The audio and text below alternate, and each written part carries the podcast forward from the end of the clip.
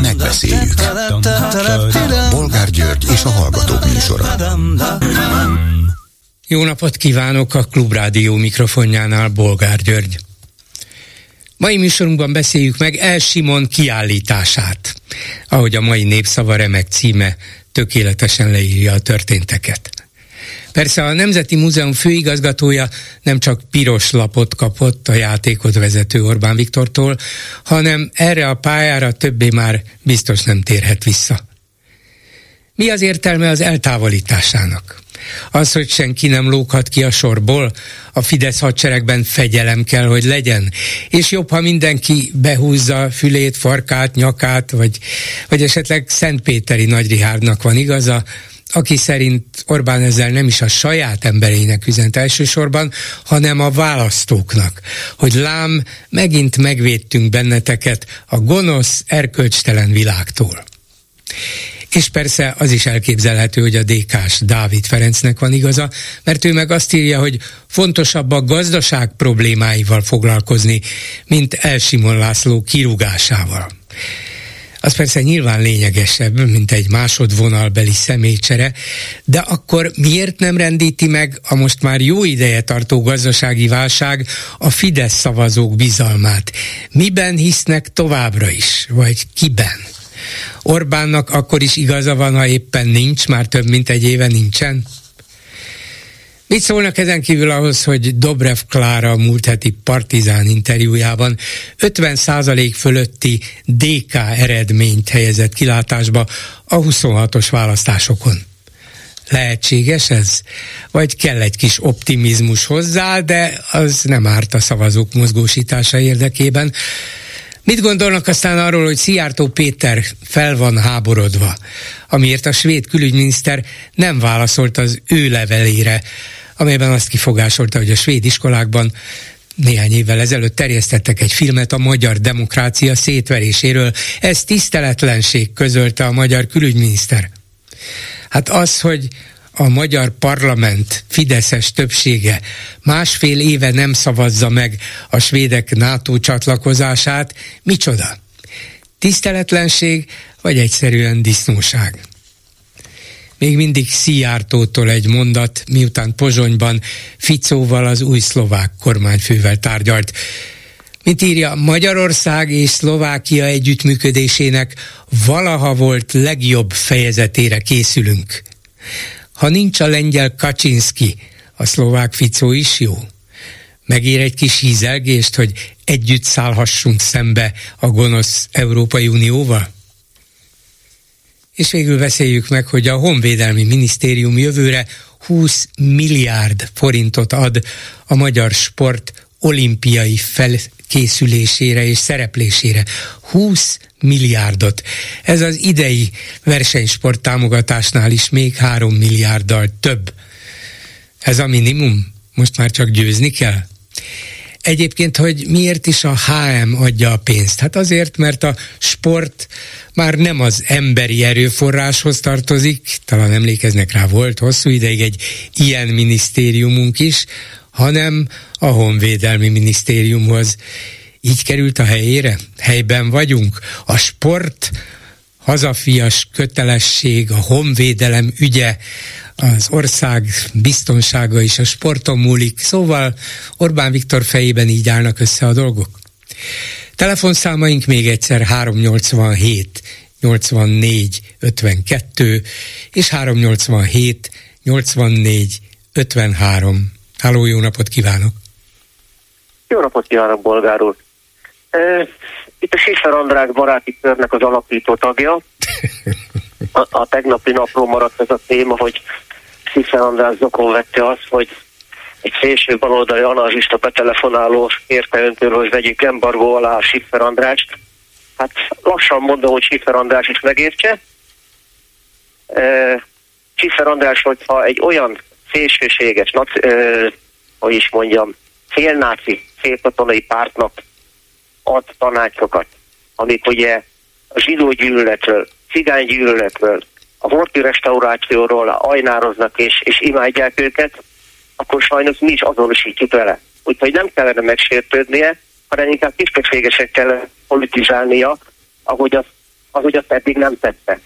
És emlékszik, hogy mondtam önnek, hogy én úgy tartom, hogy Tisztán András a öt legkártékonyabb magyar politikus között van, Hát most azt mondom, hogy a három legkártékonyabb politikus között van. Tehát Tisztán András igencsak lépted előre a szemembe ezen a ranglétrán. Na, most, hogy coming out hogy ön volt az, azért annyit, hogy nem vesszük embargó alá, hogy tegnap is mondtam, mert ha ő betelefonál, akkor természetesen vele is elbeszélgetek, csak én nem fogom keresni ezek után, és ráadásul ő már folyton úgy állítja be magát, hogy nem vagyok politikus. Én csak egy ügyvéd vagyok, aki közéleti kérdésekben kimondja a véleményét, és ehhez joga van. Hát most milyen alapon próbálunk mi bármilyen módon kritikát gyakorolni. Ő nem politikus, nem vesz részt a politikában, de hát persze azzal, hogy minden áldott nap nem is egyszer, többször, hol Facebookon, hol műsorokban, hol ilyen szerepléssel, hol olyan-olyannal, lényegében a politikai életről folyamatosan elmondja a véleményét, hát ha nem is politikai szerepet vállal, de közéletit igen. Ez nem ügyvédi szerep, ez közéleti szerep.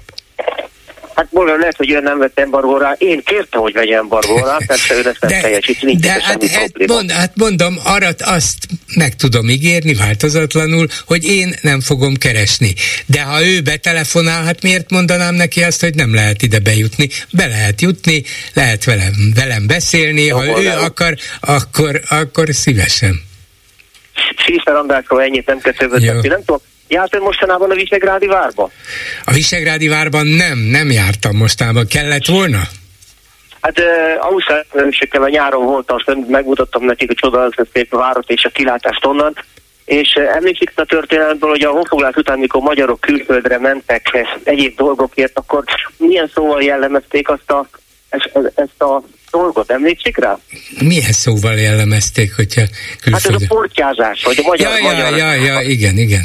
Úgyhogy, na most a ugye, a, a, ahogy, ahogy a honfoglalás utáni magyaroknak, vagy itt honférezőnek a tisztára mosásait, a honfoglaló magyaroknak ezek a csúnya cselekedetei, ugye ez a rablás, gyilkolás, erőszakolás is próbálják tisztára mosni. Most már nem azt szerepel, hogy portyázni jártunk ki, hanem a magyar, magyar törzsek fegyveres vállalkozásba kezdtek Nyugat-Európában.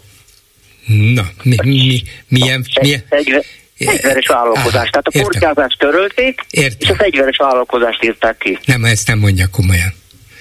Hogy hát bolgárul oda kell menni, meg kell nézni, le is fényképeztem. Ez, tehát ez, tudom ez van leírva, hogy micsoda fegyveres vállalkozás?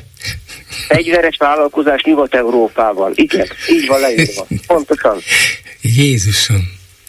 De hogyha van hallgatótársam, aki ezt meg tudja erősíteni, nyugodtan telefonáljanak be, ne van feketén-fehéren, vagy sárgán írva. Na de bolgárul a fő, a fő téma. Ugye az Orbán rendszer alapja, a lényege, amit mindig elfelejtenek a politikusok, hogy az Orbán családnak a gazdagodása a legfontosabb. Utána jön a klientúra, a tovább klientúra, a barátok, haverok, rokonok. De ez a legfontosabb. Orbán Viktor elérte azt, amit ugye Európában, vagy talán világon nem is tudom, hogy kiírta, hogy egy családon belül az ő kormányzása alatt három milliárdosa lett a családnak. Ugye Orbán apuka, mivel Tiborsznak a felesége az Orbán lánya, így az Orbán lánya is milliárdos lett, és ugye a Trómanon keresztül Orbán Viktor is a Mészáros Lőrincen keresztül. Na most ugye Orbán Viktor, tehát ez szerintem egy világos, nem tudom, hogy van-e ilyen a történelemben, hogyha van valaki, azt nagyon szívesen meghallgatnám, hogy ki az, legalábbis az elmúlt pár tíz évben. Orbán Viktor úgy ugye megúszta a börtönbüntetést, esetleg ugye a, a vagyon elkobzását, ez itt törekszik arra, hogy minél tovább fenntartsa a hatalmat, ez pedig ugye próbálja különböző dolgokkal, rezsicsökkentéssel, migrációval, háborúval, sok mindennel. De ugye mi az, ami nem múlik el soha? A migráns veszély. Ugye Orbán Viktor ezt folyamatosan, folyamatosan napirenden tartja, és nem tudom, hallott ön bolgárul a, a Orbán Viktor Vucic paktumról, egy titkos paktumról? Hát nem hallottam a titkos paktumról, de valaminek lennie kell, mert különben ez a ez a puszipajtás viszony Magyarország és Szerbia között nem jöhetett volna létre. Valaminek lennie kell. Ha ez titkos, titkosnak titkos, hogy paktum-e, azt nem tudom hát titkos az nem, hát akkor nem tudna róla, hogyha titkos lenne, de hát mondjuk én hát az a, titok, hogy, az a titok, hogy mi is van benne. Mitől lettünk ilyen jó barátok, miközben a, a szerbek ránk keresztik a, a menekülteket, migránsokat, mi nyugodtan visszalökjük nekik, hogy tiétek, vigyétek, ők megint visszalökik, mi megint és megint, és így megy ez tovább, és senki nem tesz szemreányást a másiknak, holott ott lögdösöd, lögdösödik ide-oda több tízezer ember. És más országgal már ezerszer összevesztünk volna, a szerbekkel nem, valamilyen titkos megállapodás biztos van, hogy mi van e mögött, ezt nem tudom. De valaminek lennie kell. Emlékszik hogy mennyi millió euróval támogatta a boszniai szerbeket Orbán Viktor? Hát a boszniai szerbeket körülbelül 100 millió euróval, ez még mindig nem, biztos, hogy ez is benne van, igen, a, a nagy mondjuk háttér megállapodásban, de a boszniai szerbek megsegítése még önmagában valószínűleg nem elég ehhez. Több, több kell ehhez Vucicnak, biztos. De az, nem, az nem a boszniai szerbeknek a pénze, Orbán Viktorik nagyon jó, vagy Fucsicsék elintézték, hogy azok szépen visszacsológjanak a Vucic és a pártjának a közelébe.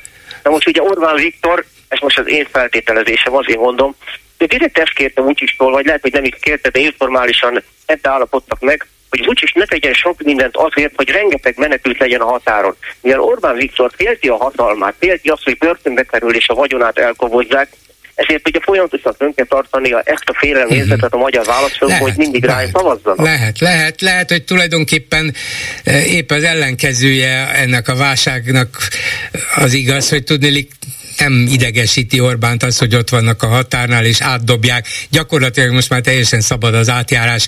Egy csomó személyes öm, tapasztalat alapján politikusok, újságírók látják, hogy a határon nyugodtan sétálnak át azok, akik akarnak jönni, és a szabadon bocsátott embercsempészek nyugodtan segítők őket tovább, de lehet, hogy valóban ez az egésznek az értelme, hogy ne csináljunk mi semmit, tartsuk fönn ezt az állandó feszültséget, az a legjobb nekünk.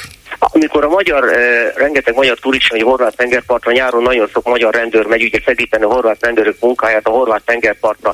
Nem hiszem azt, hogy Orbán Viktor kérné és a Vucic feljelálna, és lenne benne érdekük, hogy a, a, a ser-magyar határon pár nap alatt rendet lehetett tenni, mind a szerb eh, hadsereg rendőrség és a magyar segítséget. Csak nem akarják. Ez mindegy látszintézkedés, ez mind-mind egy olyan PR, eh, PR dolog, hogy folyamatosan jöjjenek ugye a migránsok, a magyar társadalom féljen, és akik félnek ugye a szavazzanak Orbán Viktorra.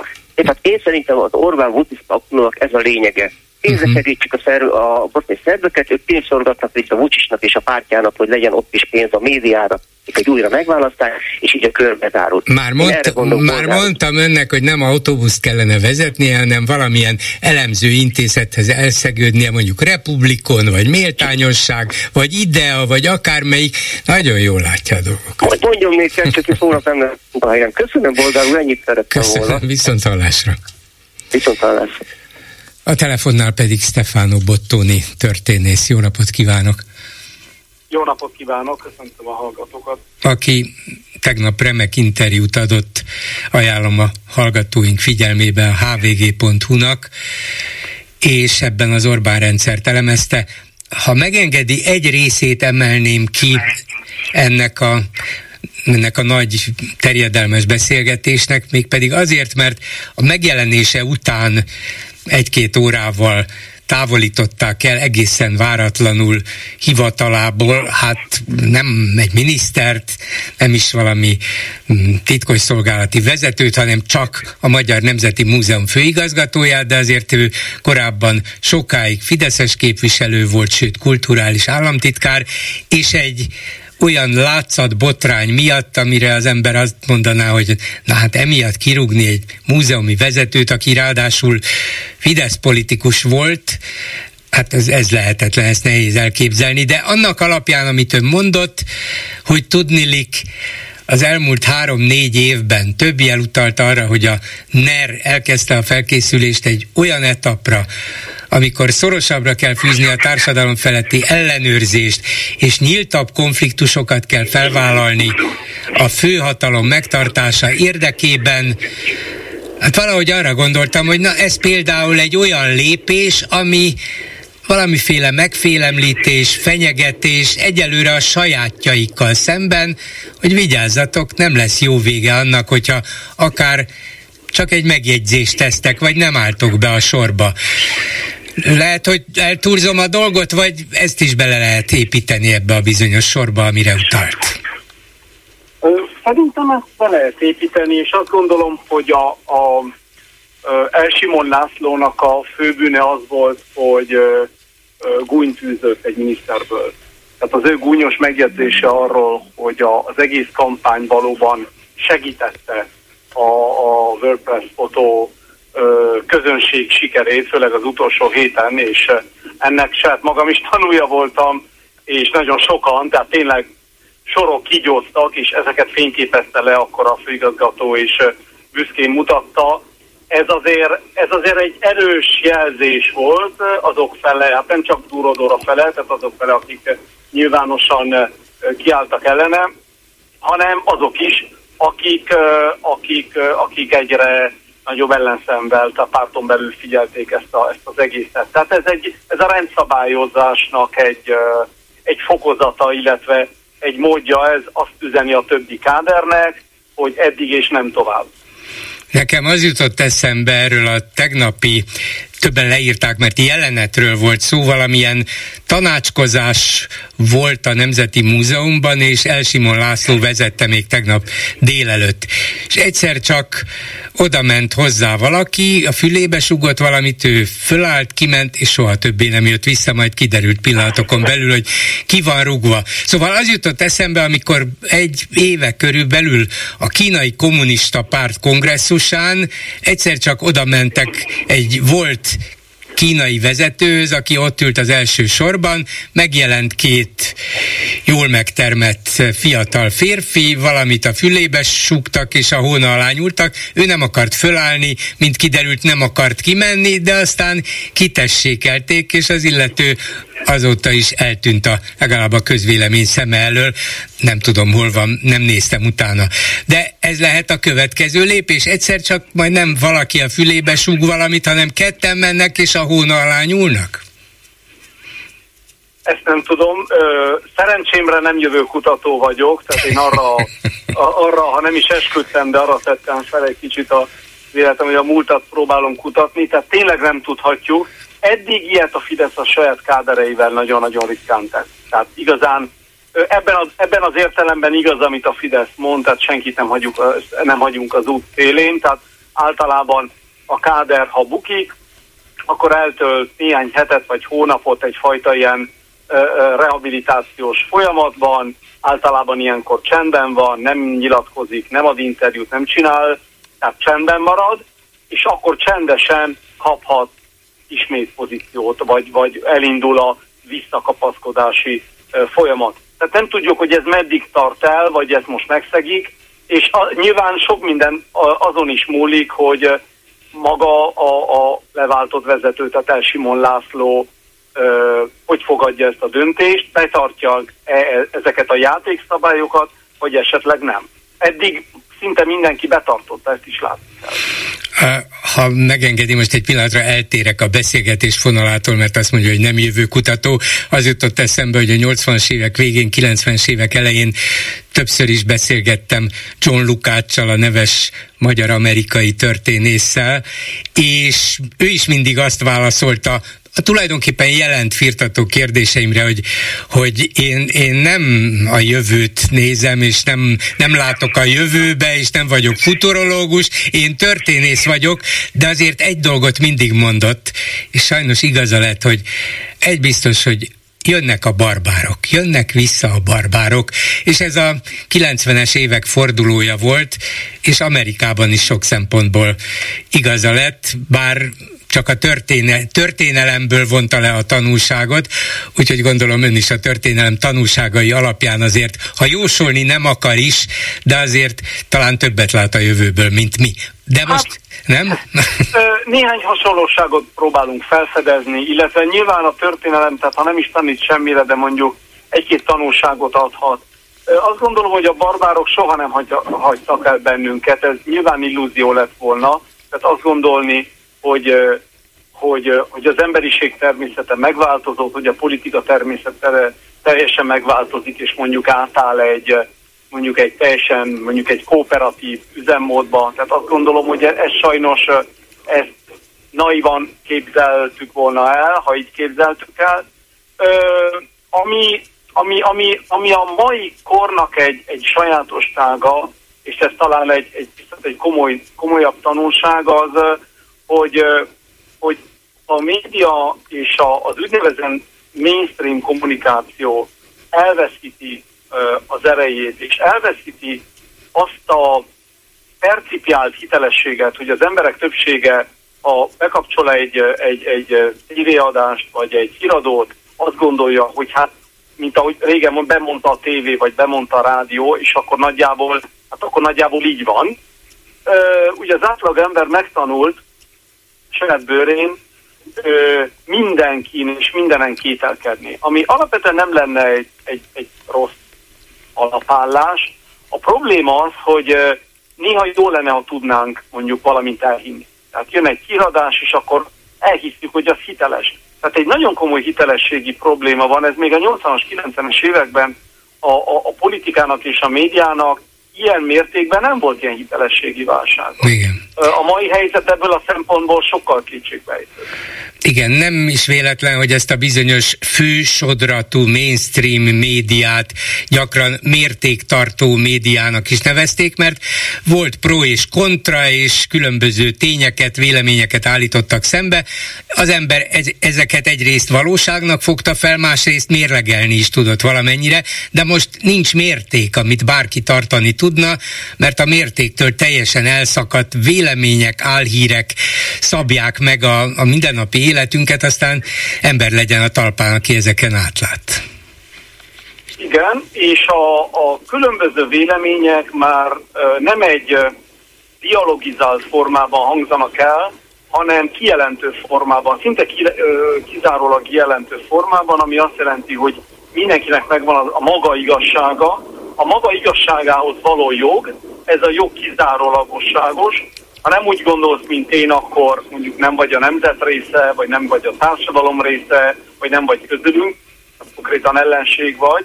És uh, ugye ezt, ezt, ezt el is mondtam akkor ebben az interjú, ez érdekes, hogy a Magyarországon is a 90-es években, még a 2000-es évek elejéig, ha jól figyeltem meg, akkor a különböző pártokra szavazó emberek hasonló médiákat fogyasztottak. Tehát másképp gondolkodtak a világról, de volt egyfajta átjárás, például az olvasásban, a, vagy, vagy például a médiafogyasztásban. Ma ez már nincs nagyon. Tehát ezek a buborékok ma össze, összehasonlíthatatlanul zártabbak, ez nem magyar jelenség egyébként, ez is Amerikából indult, Nyugat-Európában is, a legtöbb országban hasonlóképpen ö, ö, zajlik, tehát ebben nem vagyunk egyedül. Ö, annyiban talán, ha nem is egyedül, de annyiban, annyiban érdekes a magyar eset, hogy mélyebb és radikálisabb. Tehát ez mhm. tényleg azt jelenti, hogy ezek az árkok rendkívül mélyek, és ezek a buborékok ma már tényleg kizárják a másik oldalt. Igen, sajnos, hogy visszatérjek ehhez az interjúhoz, ami engem kicsit megriasztott, mert önt igazán mértéktartó és nem csak demokratikusan gondolkodó, de éppen olasz-magyar származása miatt minket félig meddig azért kívülről is nézni képes történészként ismerem, szóval azt mondja, hogy Magyarország nem Belarus, van még hová süllyedni, és itt elsősorban a fizikai kényszer alkalmazására, a nyílt erőszakra gondolok. Nem biztos, hogy ezen az úton fognak majd végigmenni, de fel kellene készülni erre a forgatókönyvre is. Te jó Isten, mondtam magamnak. Uh, hogyan? Hogy lehet erre felkészülni?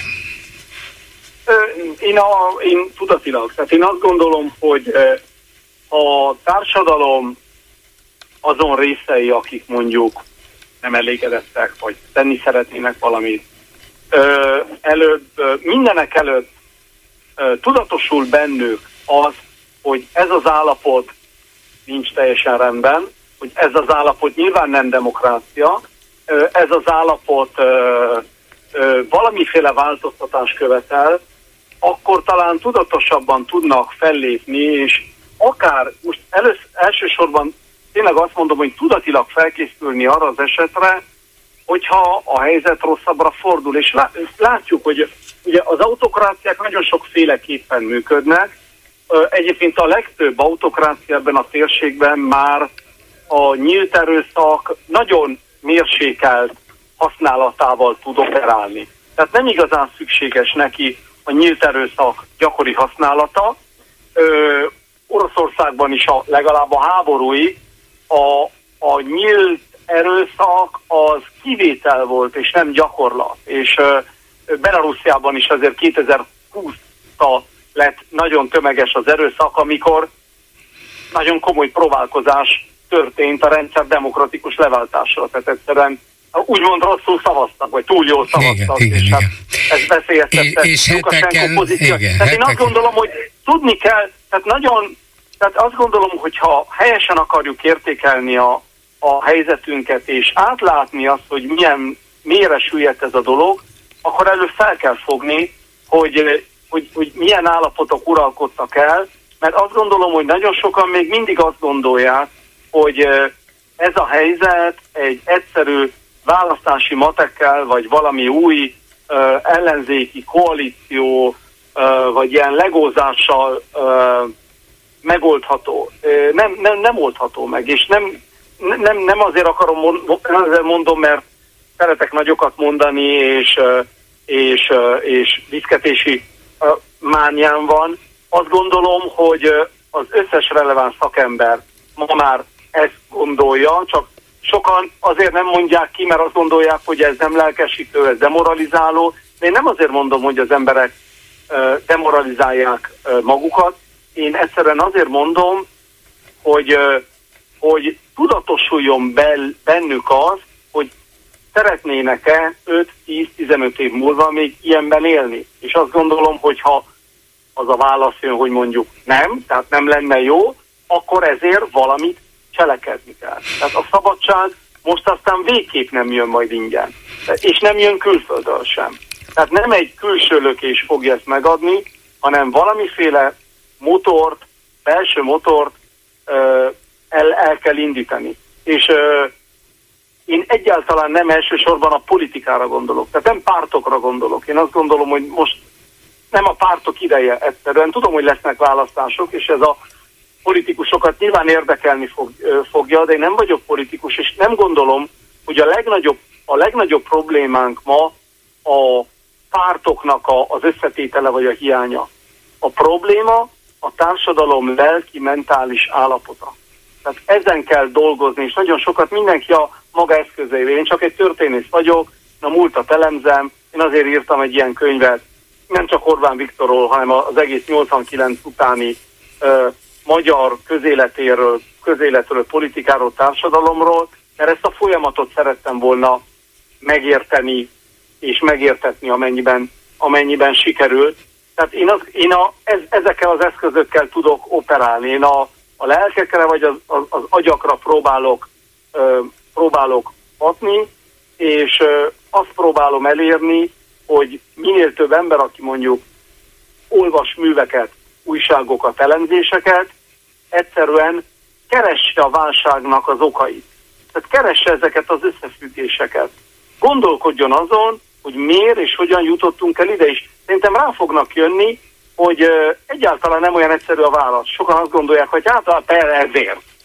Uh, nem. Ez egy nagyon összetett, ez egy nagyon összetett kérdés, és mindenütt ott van a személyes felelősség.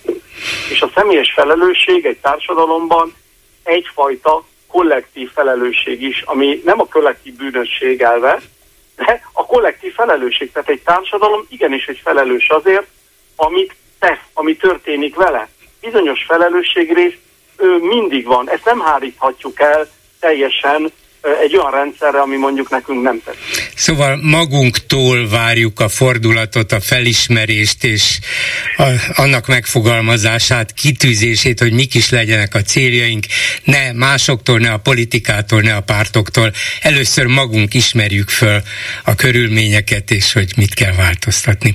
Köszönöm szépen Stefano Bottóninak. Minden jót, viszont hallásra. Én is köszönöm, viszont hallásra. Háló, jó napot kívánok! Jó napot kívánok, Örvedi Tibor Zaregerszektől. Csatlakozom Stefánok Bottani történész úrhoz. Teljes mértékig egyetértek vele. Itt már olyan mély mocsárban vagyunk, annyira kiépült a Fidesznek a rendszere, hogy ezt még egy ellenzéki győzelmű választás után sem lehet helyre tenni. Ugyanis annyira beépült a rendszerbe a, a, a maffia állam, hogy, hogy egyszerűen tehetetlen lesz, lenne egy új kormányzat. Nem tudna mit csinálni. Itt más nem lehet csinálni, csak az, hogyha az emberekben felébred valamilyen, mint 56-ba, hogy most már elég volt, és elmennek fél millióan mondjuk egy budapesti nagygyűlésre, és akkor ők eldöntik, hogy kitakarítják az országot. Uh-huh. De ahhoz, addig, ahhoz valami olyan helyzet kell, mint 56-ban volt, olyan reménytelenség, olyan, olyan új gondolatok és, és új emberek és új mozgalmak, akik azt mondják, hogy ez így nem mehet tovább, és akkor az elégedetlenség meg az új felcsillantása együtt ki tud valamit robbantani, de én nem látok még tömeges elégedetlenséget sem, inkább beletörődést. Igen, igen, igen ez, ez van, hogy beletörődés. És hiába mutatják itt ki az, hogy évről évre egyre nagyobb az elszegényedés, az emberek belefáradtak valahogy ebbe a politikába, legyen valahol lehajtani a fejünket, tudjunk valamit enni, aztán jó van, valahogy, valahogy megélünk majd. Tehát nincs egy olyan igazi politikai hajtóerő, a pártokról nem is beszélem. És akkor itt kapcsolódok ahhoz, amit szerettem volna mondani a Dobrev Klárával kapcsolatban, ugye valamit olyasmi volt, hogy a következő választáson, nem is tudom, 40 vagy 60 nem, nem, már 50 százalék, 50 százalék fölé, hogy van-e üvegplafon Igen. fölöttük, hát ja. 50 százalék fölötti nem. eredményt is el tud képzelni. Ez, ez, ez képtelenség, pláne úgy, hogy ö, ö, a vidéket nem tudják megszólítani mert elsősorban vidéken van baj, de még a középvárosokban is. Én az Alegerszegen élek, ez egy tiszta, fideszes város, mindenki majdnem le van kötelezve, itt. Kapott a város egy új stadiont, kapott egy új uszodát, egy nagy uszodát, egy fedett uszodát, végét lebontották, helyette építettek egy másikat, de a város már nem tudja üzemeltetni, mert olyan drága lenne alatta vannak üzletek, amik szép kis üzletportálok, amelyeket nem tudnak megtölteni már tartalom, mert nincs, aki kiveszi uh-huh. ezeket, hogy kibérelje. Igen. Szóval néha felújítanak egy kis utat, meg mit tudom én, de óriási bajok vannak. Néha, amikor elmegyek a boltba vásárolni, akkor néha hallom én is az elégedetlenséget, hogy ó, milyen drága, meg miért ennyi, meg hogy lehet ez, meg mit tudom én, hát milyen országban élünk. De igen, ez nem jön ki az emberekből ott, ahol kellene. Nincs, ami motiválja őket, nincs, ami kicsit felkorbácsolja az indulatukat az emberekben. Mert ahhoz nem, nem élnek olyan rosszul. Lehet, hogy nem olyan jól, mint ahogy lehetne, vagy ahogy ők gondolnák, de nem is élnek annyira rosszul, nincs tömeges munkanélküliség, Zalaegerszegen is volt, van egy pár új ipari beruházás, tehát munkát is lehet kapni. Nyilván Ausztria, ha valaki még többet akar keresni, könnyebben át tud menni Ausztriába. Igen. Meg vagyunk, köszönjük szépen. Igen. Hát ismerjük a Fidesz, de azért a, a többiek jobbak jobbak volnának? Körülbelül ez lehet. Ugye? Igen, hát ugye itt, itt akarok beszélni egy néhány szót a pártokról. Hát a ö, én, én annak idején lát, ugye nyugdíjas vagyok, láttam Gyurcsán Ferencet, amikor ő kormányzott, és elment a közgazdaság egyetemre többször, és előadta a téziseit, meg mit tudom. Nagyon szépen nézett ki, nagyon jól nézett ki, de, de nem ért el vele semmit se. Nem jutott el közönséghez, meg, meg azért neki voltak egyéb dolga is, baja is. És most azt nem tudom, miért nem veszi észre. Nem vagyok ellene, nekem semmi bajom nincsen vele. Miért nem veszi észre, hogy az ő nevét annyira besározták, hogy neki meg se szabadna, hogy jelenjen a DK élén. Neki egy ilyen szürke eminenciásnak hátulról kellene dolgozni, de még a feleségének is. Addig, amíg ez meg nem történik, addig a DK hiába álmodozik arról, hogy majd mennyire sok szavazatot fog kapni, ebből nem lesz semmi sem. Nem lesz semmi akkor, amikor nem járnak le vidékre majd, a falvakba. Én annak idején az előző választásnál végigcsináltam ezt a nyomtas te is dolgot, mentem, hordtam ki az anyagot én is, de belefáradtam. Az emberek ugye azért ugye érdeklődők voltak, el nem zavartak, hogy ugyan már mit akarok, meg mit tudom én de amíg, amíg vidékre nem mennek le, nem jutnak el a vidéki emberekhez, addig semmi nem lesz. És hát igen, és nem olyan a könnyű. Valom lényege, és még egy dolgot szeretnék csak, hogy ma mi van? November 7-e. Igen. A nagy szocialista forradalom. Októ, a nagy októberi szocialista A nagy októberi, ja, igen, igen, igen. Ugye, ha, ha így halad tovább a Viktor a Putyinnal, akkor lehet, hogy előbb-utóbb megint ünnep lesz nálunk is. Hát lehet, lehet, de a társadalom lehet, hogy még csak arra sem fog felhorkanni, hogy micsoda dolog, az értelmiség meg, aki egyáltalán erre emlékezett, vagy emlékezik, pedig régen volt, ugye, azt mondják, na hát ezt azért nem kéne, de a társadalom másik része az, hogy miért, hát mit zavar ez engem? Itt most még a Huxit kérdése, ugye, nagyon-nagyon éleződik ez a helyzet, és azon dolgozik a Fidesz, hogy dolgozza a tömeget, hogy minél többen legyenek ellenségesek az EU-val szembe, hogyha esetleg egy népszavazás rendezne, akkor azon az legyen, hogy hát lépjünk ki az EU-ból. Na lehet, hogy ez lenne az a pont, amikor az emberek azért már belegondolnám, arról a életben, már megint a határon be kell mutatni mindent, megint a vámosok zaklatnak minket, meg mit tudom én, lehet, hogy esetleg ez lenne az a pont, amikor... amikor nem tudok rendesen elmenni lenne. Ausztriába dolgozni, mert ja, vagy, igen. vagy diszidálok, és nem jöhetek igen. vissza. Igen, hát ez lehet, lehet. Igen. Köszönöm szépen, hogy hívott, törülök. Viszont hallásra. Viszontlátás, viszont hallásra. A telefonnál pedig Szentpéteri Nagy Rihárd, alkotmányjogász, politológus, volt klubrádiós műsorvezető. Szervusz Rihárd! Szervusz, jó napot kívánok!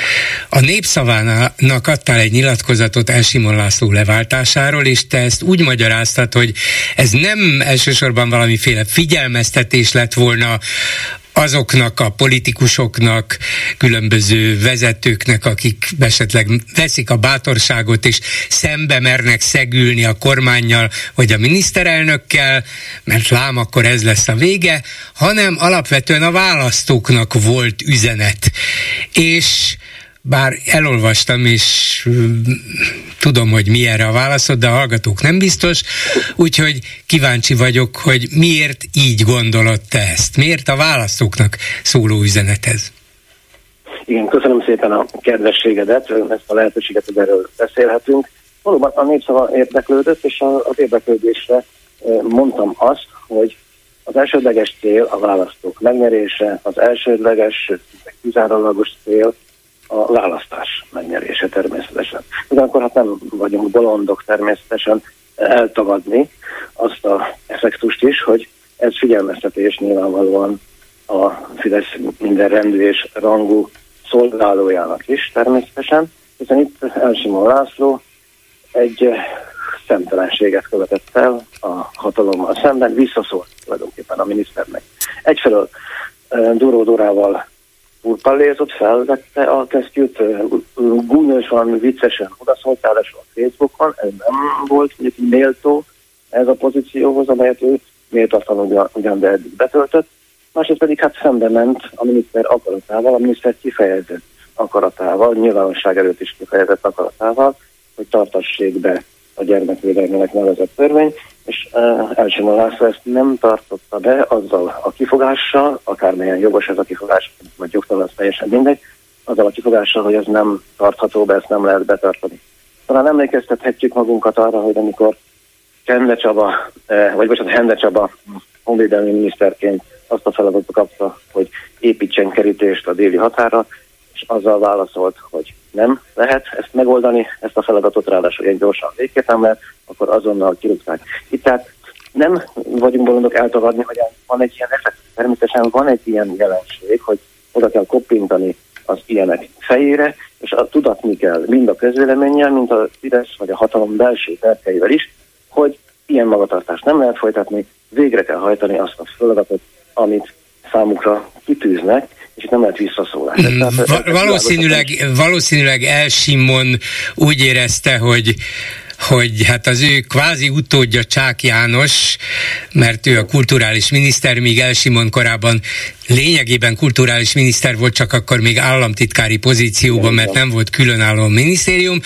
Hát akkor most egy kis erőpróba, ki az erősebb? Én a régi Fideszes-e, aki ugyanezt a pozíciót betöltöttem, vagy te, aki kívülről jöttél a politikában, na, mérjük össze az erőnket. Csak egy ilyen régi mindenhájjal megkent politikus hogy nem tudta azt, hogy ez a döntés nem Csák Jánosé, hanem Orbán Viktoré? Hát természetesen a Nemzeti Múzeum igazgatója, főigazgatójának a személye az nem a, a, a mindenkori miniszter rendül el természetesen, de ez a világon mindenütt így van. A példánk talán a kis múzeum, aminek a vezetőjének a kinevezéséről, leváltásáról nyilvánvalóan tudnia kell, hogy miniszterelnök. De igen, kell hozzá az ő jóváhagyása is Nagy-Britanniában, igen, igen. Természetesen. De, de itt arról van szó, hogy valóban eh, Elsimon László ezt félreértette, úgy viselkedett, mintha egy olyasfajta világban élnénk, ahol ő mondjuk egy testi értelmiségiként szólalhat meg, és hát eljátszhat, hát érveket sorakoztathat fel, gondolkodhatik, és itt mindezt természetesen nem teheti, és neki ezt tudnia kellett volna, tehát itt a csodálkozásunkat kifejezhetjük, hogy hogy nem tudta. Az, hogy ő régebbi Fideszes, mint a miniszter, az semmit nem számít, hát nem tudom, Simicska Lajosnál régebbi Fideszes nem van, és és ez, hol van Simicska? Hol, Tegyük fel ezt a kérdést. Hol van igen, Simicska? Ezért, hát igen, hát és hol lesz nem sokára Elsimon László is, mert nem számít Elsimon László személye. Tulajdonképpen eddig sem igazán számított, ezt ő mennyire érzékelte, mennyire nem, ez az ő baja, de hát a közönség jól tudja, hogy eddig is hát tulajdonképpen egy senkinek kezelték. Na de, de visszatérve az alap, alapkérdéshez, hogy szerinted miért elsősorban a választóknak szól? Miért nem az ilyen, vagy ezért, vagy azért egy kicsit a sorból kilógó fideszes vezetőknek, vagy politikusoknak, vagy intézményvezetőknek, hivatalnokoknak, hogy ne próbáljatok valami külön utat járni. Itt fegyelem van, itt Fidesz hadsereg van, az van, amit én mondok, amit én parancsolok. Megértettétek? De, mint hogyha én úgy gondolom, gondoltam, hogy ez az elsődleges üzenet, te pedig azt mondod, hogy nem a választóknak szól. Egyáltalán eljut ez az üzenet a szerinted főleg vidéki választókhoz? Hát érdekli őket, hogy milyen kiállítás, világ, sajtó, fotói, nemzeti múzeum, hát kit érdekel ez? Igen, nem ez az üzenet jut el a közönséghez, hanem az az üzenet, amelyet ebből kreál a hatalom természetesen. És a beszélgetésünk korábbi szakaszára visszatérve, épp ahogyan Elsimon László félreértette az ő helyzetét, és azt hitte, hogy úgy viselkedhetik, mint egy, egy liberális értelmiségi, ezért ugye tulajdonképpen bírálatunkat a liberális értelmiséghez is intézhetjük, nem de? Hiszen a liberális értelmiség nagy része valamiképpen úgy gondolkodik helytelenül, mint hogyha a kormány akarna valamit, vegyük például mondjuk az oktatáspolitikát, el akar érni valamit, de lám, rossz eszközökkel érje el. Ugye a kormány célja először is az, amit mond, ugye? és az értelmiség egy jelentős része elhiszi, hogy akkor meg azt akarja megcsinálni, amit mond, hogy meg kívánja csinálni, de nem jól nem jó eszközöket választ, nem jól csinálja, és akkor az értelmiség fölhívja a figyelmet arra, hogy ezt nem így kellene, hanem inkább úgy kellene, és akkor elérődnék az a cél, amit a hatalom akar. Csak hogy a hatalom nem ezt a célt akarja, természetesen a hatalom. Bocsát, lehet még hallani? Hogy na, természetesen a hatalom a pofánkba hazudik, egészen mást mond, mint amit Nem érdemes úgy kezelni a dolgot, mint hogyha a hatalom valami, valami őszinte beszélkódot használna. Vagyis, hogyha valami olyasmiből indulunk ki, hogy történetesen itt, ebben az ügyben a hatalomnak az lett volna a célja, hogy lehetőleg kevesebb gyerek lássa ezeket a fotókat, akkor a hatalom ezt nem érte el, mert több gyerek látta a fotókat, mint, mint látta volna, de a hatalomnak nem is volt célja, hogy kevesebb gyerek lássa a fotókat, sőt, egyáltalán nem törődik azzal, hogy hány gyerek látja a fotókat, sőt, még talán azt is mondhatjuk, hogy még jól is jött neki, hogy több gyerek látja a fotókat. Tehát nem arról van szó, hogy a hatalom azt akarta elérni, hogy ebben az ügyben valamilyen látszat keletkezzék, hanem az, hogy ez a látszat ne keletkezik, hanem egy más látszat keletkezik, vagyis az, hogy itt Budapesten, a Nemzeti Múzeumban, és éppen olyan elkergülés, éppen erkölcstelenség üti fel a fejét, mint a nyugati világban, és ettől a kormány megvéd bennünket, és ez mindenek előtt ez a fajta üzenet, tehát hogy megvéd minket bizonyos tendenciáktól, világtendenciáktól.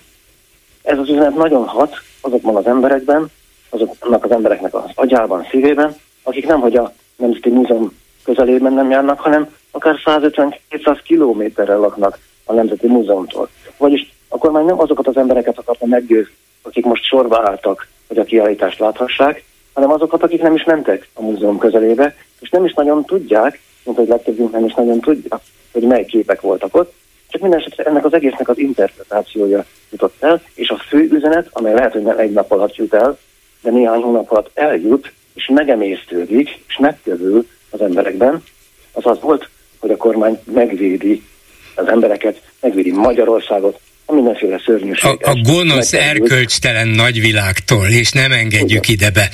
De hogyha ez így van, és hát biztos van benne igazság, akkor gyakorlatilag az ellenzék szerepe, az ellenzéki politikai pártok, vagy a független és vagy ellenzéki értelmiség szerepe az, az a csiki és a csuki között mozog, mert ha ezt mondom, hogy hát ez felháborít, tehát hogy képzeljék, hát milyen ország ez, kirúgni emiatt a Nemzeti Múzeum főigazgatóját, akit egyébként nem szeretünk, és mindig is nagyon lojális végrehajtója volt a Fidesz politikájának, de most végre egy őszinte pillanatában oda szólt, vagy fricskázott egyet, és ez lesz a vége. Hát nézzétek meg, milyen botrány végig is söpör a világsajtón természetesen. Ők nem értik, hogy ez hogy lehet egy európai országban, és a magyar értelmiség is, meg az ellenzék is így tesz. De ha így tesz, és még inkább fölhívja a figyelmet erre a botrányra, az még inkább segíti a kormány célját, mert még Valóban. több emberhez jut el, hogy lám, Igen. itt ugrálnak ezek az értelmiségiek, miközben én megvédelek titeket. Hát van Igen. akkor helyes magatartásmód? Igenis, meg nem is, hogy a kedvenc feladatom mondjam, de is valami van. Tehát itt valóban ez a helyzet, hogy a, az ellenzék és az ellenzéki értelmiségnek egy jelentős része belesétál abba a csapdába, amelyet a hatalom állít. És még örömmel is, és még őszintén is, sőt még erkölcsi magaslatból is nézett a csapdát, és aztán belest. Megnyeri esetleg a csatát, adott esetben nem, mert hiszen ö, végszére is még a közvetlen hatása is, is, is negatív, vagy kellemetlen, de azt esetleg kimondhatja, hogy a kiállítást mondjuk nem 30 ezer ember látta, hanem 60 ezer ember, tehát itt a kormány elbukott. De valójában nem bukott el a kormány, hanem nagyon is nyert, mert lehet, hogy többen látták a kiállítást, de jobb, többen fognak szavazni ennek nyomán a Fideszre, nem most, hanem majd a választásokon, mert az az elsődleges, nem az elsődleges, hanem az a kizárólagos tér. Itt tehát az ellenzék és az ellenzéki közvélemény jól teszi, ha ezekkel a kérdésekkel akár erkölcsileg is foglalkozhatik, hogyha ez a hetje. Mert hiszen az igazság mellette van, és a, a, a, az erkölcsi értelemben a jó oldalon természetesen ők áll, mint az ellenzék. De helyes, hogyha jól választja meg a nyelvhasználatot, helyes, hogyha nem tágítja a problémát, hanem helyén kezeli a problémát, és nagyon helyes, hogyha fölismeri, mert sajnos ideig sem el, éppen ezért is beszélgetünk most erről, felismeri ennek a politikai természetét. Felismeri egyáltalán a nemzeti együttműködés rendszerének a természetrajzát, amit, mint látjuk, maga Elsimon László sem ismert fel, pedig igazán, igazán benne volt, és ezt a rendszert szolgálta. Még kevésbé állíthatjuk a felismerés bölcsességét az ellenzékről, mert hiszen úgy látszik, hogy az ellenzék sok esetben, jó néhány kivételt is lehet mondani, de sok esetben nem látja a fától az, az erdőt, a hatalom pedig kizárólag az erdőt látja, és egyáltalán nem érdekli, hogy közben egy-két fát kivágnak. Ez, ez, ez járulékos veszteség, de sok esetben nem is veszteség, hanem mindaz is vereség volt, éppen, és a végén a Fidesz nevet, és mégis az nevet mindig, aki utoljára nevet. Köszönöm szépen Szentpéteri Nagy Rihárnak. Hát megértettük. Köszönöm. Szervusz, minden jót. Köszönöm, szervusz. Háló, jó estét kívánok. Szép estét kívánok, bolgár úr, mindenkinek. Judit vagyok. Parancsoljon. Tegnap óta hallgatom, hogy nem találják meg az Elsimonnak a kirúgásával kapcsolatos megoldást. olyan egyszerű. Mondja. Hát sor, soros. Na, hogy, hogy jön ide Soros? Úgy jön ide Soros, hogy ugye nagyon sokáig emlegették, mostanában már nem mióta átadta a fiának a kormányrudat, de én azért emlékszem arra, amikor mondtuk, hogy sorba mindenkit levadásznak. Most már olyan nagyon nincs kit levadászni, legalábbis az ellenzékből, hát Gyurcsány az megmaradt, hát most mindegy, a DK az kell nekik, mert az, az pont olyan, mint a Soros, csak ugye Soros már egy kicsit jobban elfelejtették. Hát szóval itt, amíg nem lesz egymás mellett kiállás, amíg az emberek tehát a, az orvosok, az ápolónők, a tanárok, az anyukák, a nagymamák, a nem tudom, kit lehetne sorolni, a BKV-sok, a nem tudom, most a, az akkumulátorgyáras települések lakói nem mennek ki együtt az utcára, addig mindenkit sorba levadásznak. Most azért egy kicsit nehezebb időszaka van azért, a, bár most azt mondták, hogy visszaszerezte már a Fidesz a támogatóit, tehát, de azért ők mégsem olyan biztosak ebben, tehát ezért aztán most akkor le kell vadászni valakit. Hát most le kellett vadászni a saját emberüket. Tehát hiába van bármelyiküket ott hagyják, belerúgják az árukba. Egyszer még azt, aki hogy mondjam, anyagilag nagyon hát fontos személy, annak talán még tartják a kezét, mint a Völner ügybe esetleg, ott még valamit még tapogatóznak, meg még egy kicsit nyúlnak utána, de aki nem fontos, és anyagilag nem függnek tőle, ugyanúgy belerúgják a saját társukat is az árokba, mint bármelyikünket, és bármelyikünk ugyanúgy soros lesz, mint ahogy most Elsimon is soros lesz. Ja, értem, értem most már így az összefüggést, mert különben Elsimon semmilyen értelemben nem kapcsolható soroshoz. Nem, hát nem, de, de, de, de valamilyen módon vele is példát akarnak statuálni, be akarják bizonyítani, hogy, hogy vannak ellenségek, saját sorainkban is vannak igen, ellenségek. Így van. Ugye? Igen. Igen. Úgyhogy, szóval tényleg itt bárki, most teljesen mindegy, hogy ott van, hogy saját kutyájuk kölyke, vagy nem tudom. Ez az ember, de hozzáteszem, nem sajnálom egyetlen percig se, mert ugye azért ő is megnyomta annó a gombot, amikor ezt a törvényt megszavazták. Hát mind, mind, mindent megnyomott, és folyamatosan a, a Fidesz politikáját, a Fidesz kultúrpolitikáját részben ki is találta, vagy közreműködött a kidolgozásában, vagy végrehajtotta, tehát ő abszolút Fidesz-konform Fideszes képviselő volt, csak néha egy kicsikét kiszólt, szeretett beszélni, és, és nem mindig egy az egyben ismételt. volt, hogy Igen. őt ide kinevezték, Igen. mert azért Hát sok mindenhez biztos értett, meg nagyon szép verseket írt, hogy ne, majd biztos de utókor nem. még emlegeti, de ehhez igazán nem értett szerintem, de mondjuk hát én nem vagyok... Ö, nem, nem, nem, hát persze, hogy nem értett, itt muzeológusi képzettsége nincsen, Igen. és azért azt mondják a szakemberek, hogy egy nemzeti múzeum élén legalább valamennyire értenie kellene a hát főigazgatónak hát a muzeológiához. És az elődei olyanok voltak, akik Hát akik, akiknek ehhez volt tudásuk, így van. Igen. Jó, hát szóval a mai, világ, a mai világban lehet azt mondani, hogy nem az számít, hogy bizonyos szakterületekhez érte az ember, hanem hogy mennyire közelről és szorosan van bekötve a miniszterelnökhöz, hogy végre mennyire tudja. függ a miniszterelnök tőle. Így van, igen. a tudásától vagy a pénzétől. A többi, vagy a titkaitól és a pénzétől. Különben nem számít. Ez a kettő az, ami és a hatalom megtartása természetesen, tehát azért mindent megtesz. Szóval hogyne, hogyne. Mindig eszembe jut ugye a protestáns lelkésznek a, a szavai, hogy, a, a Niemöllerre gondol? Igen, igen, igen, igen, hogy ugye először a kommunisták jöttek, nem szóltam, hát itt se szól senki a másikért, és sorba megyünk lejjebb, egyre lejjebb, és majd nem lesz már, aki értünk szóljon vagy hát akár értem is. Komolyan most ezeket a kormányablakokat is megcsinálták, hogy gyere haza. Hát pont az ellentétét kellett volna a kiköltözés segítő kormányablakokat csinálni, vagy létrehozni.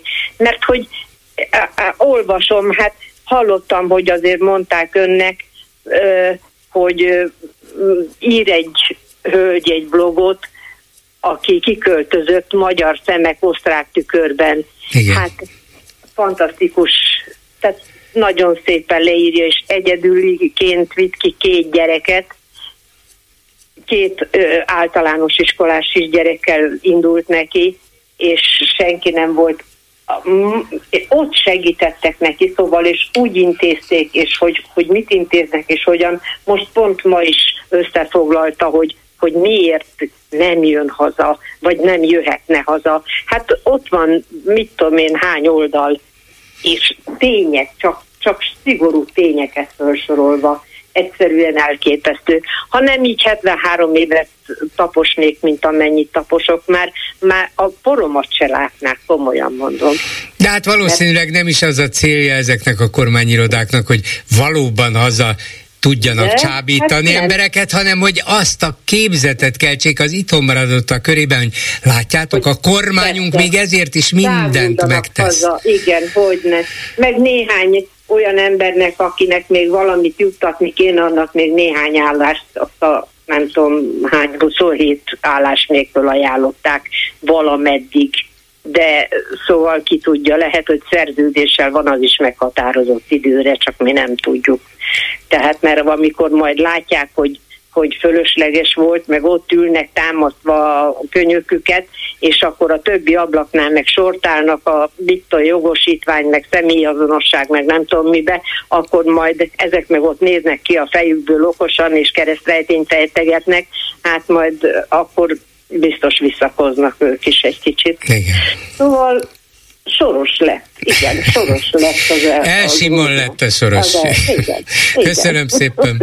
Viszont hallásra. További szép estét kívánok. A telefonnál pedig Dávid Ferenc, országgyűlési képviselő, a DK árnyék kormányának gazdasági minisztere. Jó estét kívánok! Jó estét kívánok, üdvözlöm! Aki azt írja a nyugati fényben, hogy tulajdonképpen huszadrangú kérdés El Simon László sorsa. Abszolút érdektelen, hogy melyik Fidesz katona tölti be a jövőben a Magyar Nemzeti Múzeum felsővezetői tisztségét.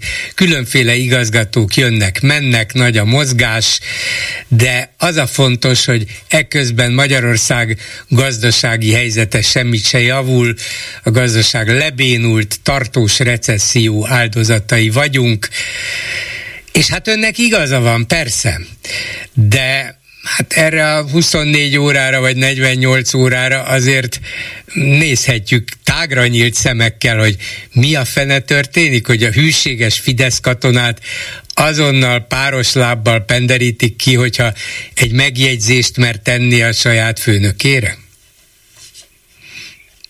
Én azt az elvet vallom, hogy a Schuster maradjon a kaptafánál, ezt magamra mondom, Természetesen nekem megvan a véleményem az Elsimon László körül kialakult ügyről. Még azt is oda merném mondani privát véleményként, hogy egy könnyet sem ejtek az eltávolítása miatt, de én azért mégiscsak a gazdaságról beszélnék. Talán ez, lehet ez egy új vagy jó divat, hogy az ember arról beszéljen, amihez ér.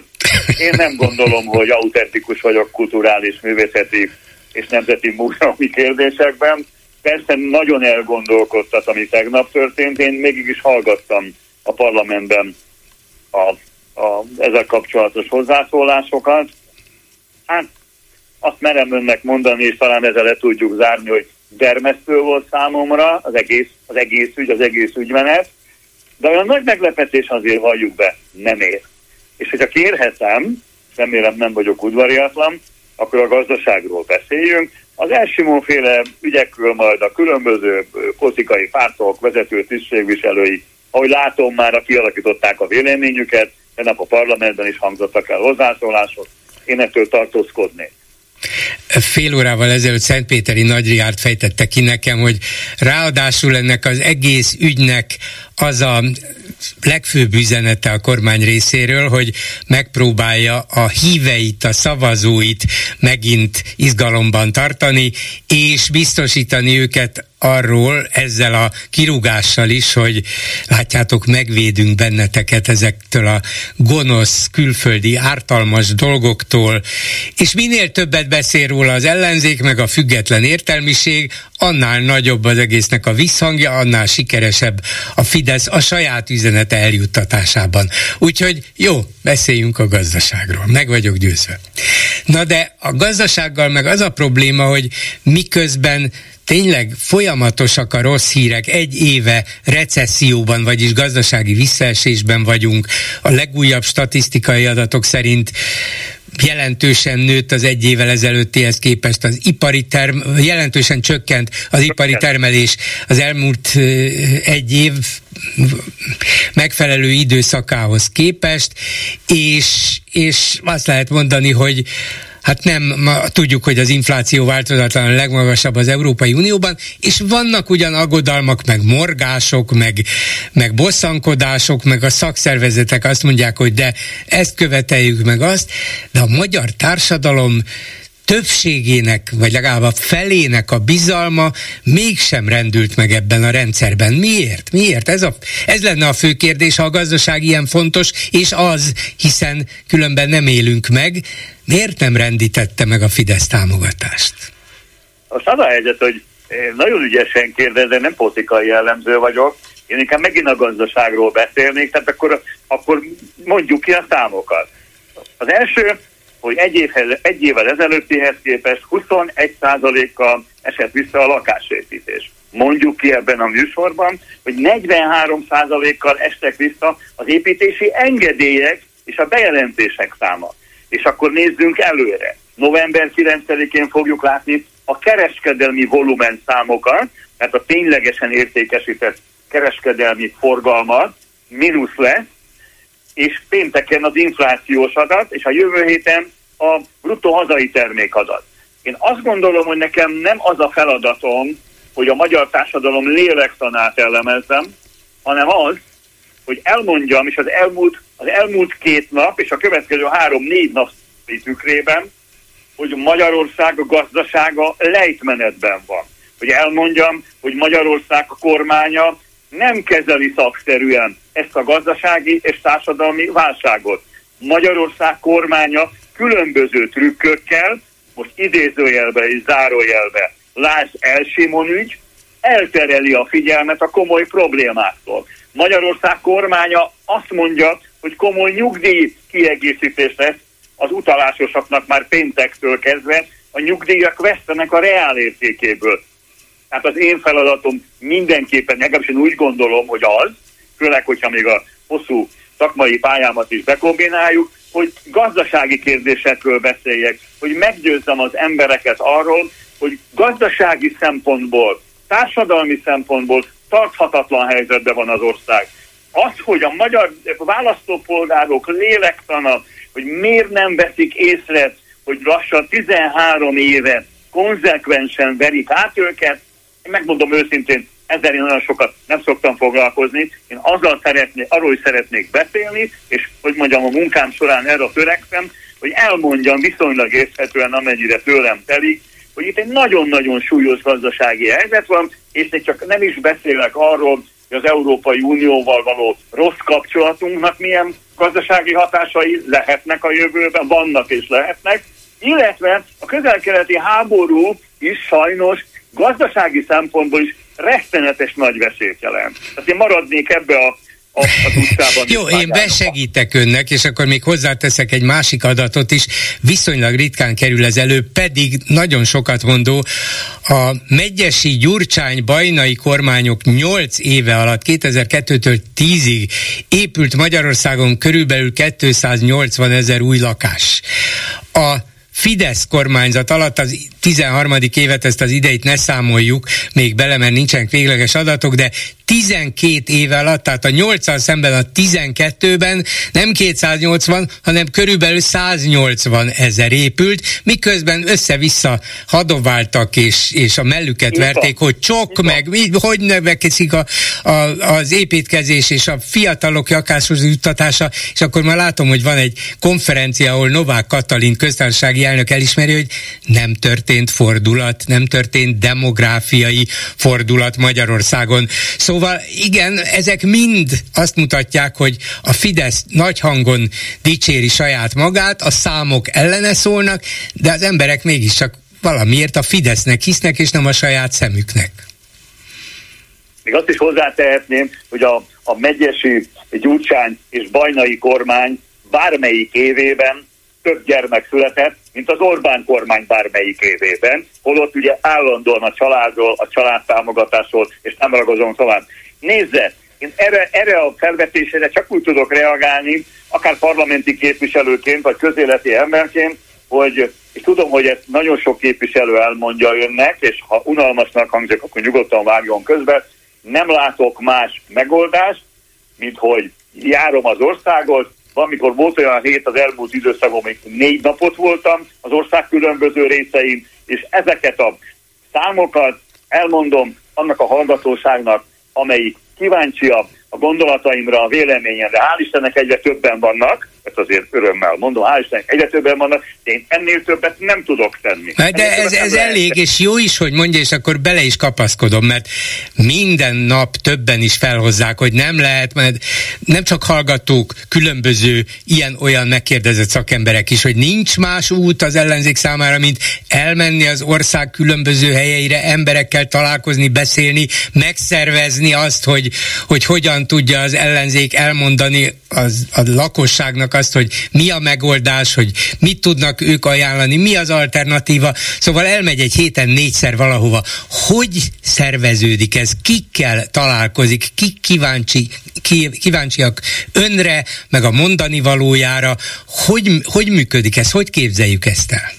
Ezt úgy kell elképzelni, szerintem abszolút nem bonyolult. Nekem meg főleg nem, mert én bizonyára emlékszik rá, én egy országos szövetségnek voltam a Demján Sándor után a második számú vezetője, természetesen professzionális módon meg van szervezve. A demokratikus koalíciónak, mint országos pártnak gyakorlatilag minden városban van alapszervezeten, a megyeszékhelyeken irodák, szervezők, aktivisták, és amikor időpontokat egyeztetnek a párt sajtó kommunikációt szervező osztályával, ezt velem egyeztetik, és innentől kezdve már csak csak az a feladatom nekem, hogy elmondja például, ha már gazdasági programot, miután a DK gazdasági programjának egyik szerzője is vagyok, hogy mondjam el azt, hogy mit gondolunk a gazdaságról, mit gondolunk adókról, bérekről, szociális jutatásokról, nyugdíjakról. Ez azért nem állt, áll túlságosan távol az én munkámtól. És ezeket a rendezvényeket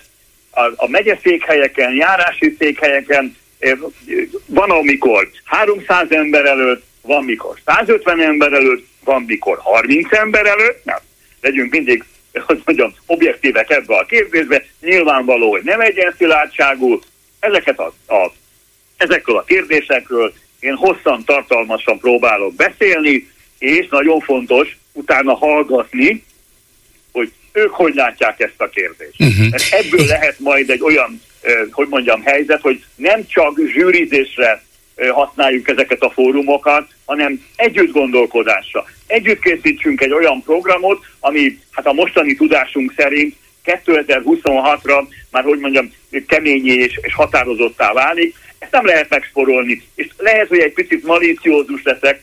A parlamentben, hát megmondom őszintén, ilyen másfél éve vagyok parlamenti képviselő, hát olyan nagy sikerekkel nem büszkélkedhetek.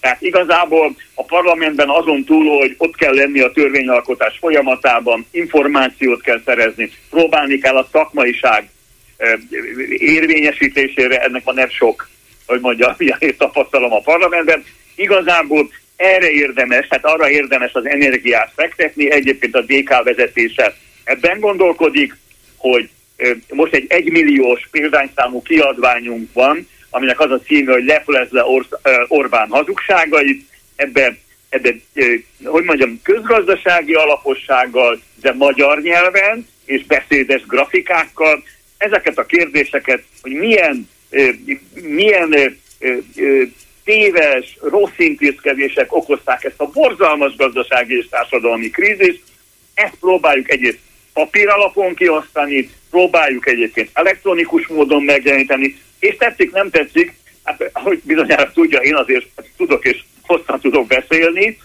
sokat beszélni ezekről a dolgokról, és még egyszer mondom, sokat hallgatni, hogy hogy látják azok az emberek, akik ezt elszenvedik. A DK rendezvényeire, ezek DK rendezvények, még egyszer mondom, ide azért az alacsony jövedelmi státusokhoz tartozó munkavállalók és nyugdíjasok tartoznak. Feltűnően érzékelhető a nyugdíjasok elégedetlensége ez azért, ez azért, hogy mondjam, ami most történik a nyugdíjas társadalommal ilyen elszegényesítése nem történt meg a rendszerváltás óta, mint amióta most történik, 2,4 millió ember a Covid és a gazdasági válság következtében, hát nem mondom, hogy a 2,4 millió, de a fele elnyomorodott. Erre most rá kell ébreszteni az embereket, hogy durva módon becsapták őket. Ez nem elég, hogy megmondjuk, hogy durva módon becsapták őket. A másik, hogy őszintén, világosan elmondani, hogy mit gondolunk, hogy hol van a kijárat. És nem szabad vadul ígérni, és mert nyilvánvaló, hogy amikor egy kormányváltás történik majd, ki lesz szűrítve a kassa.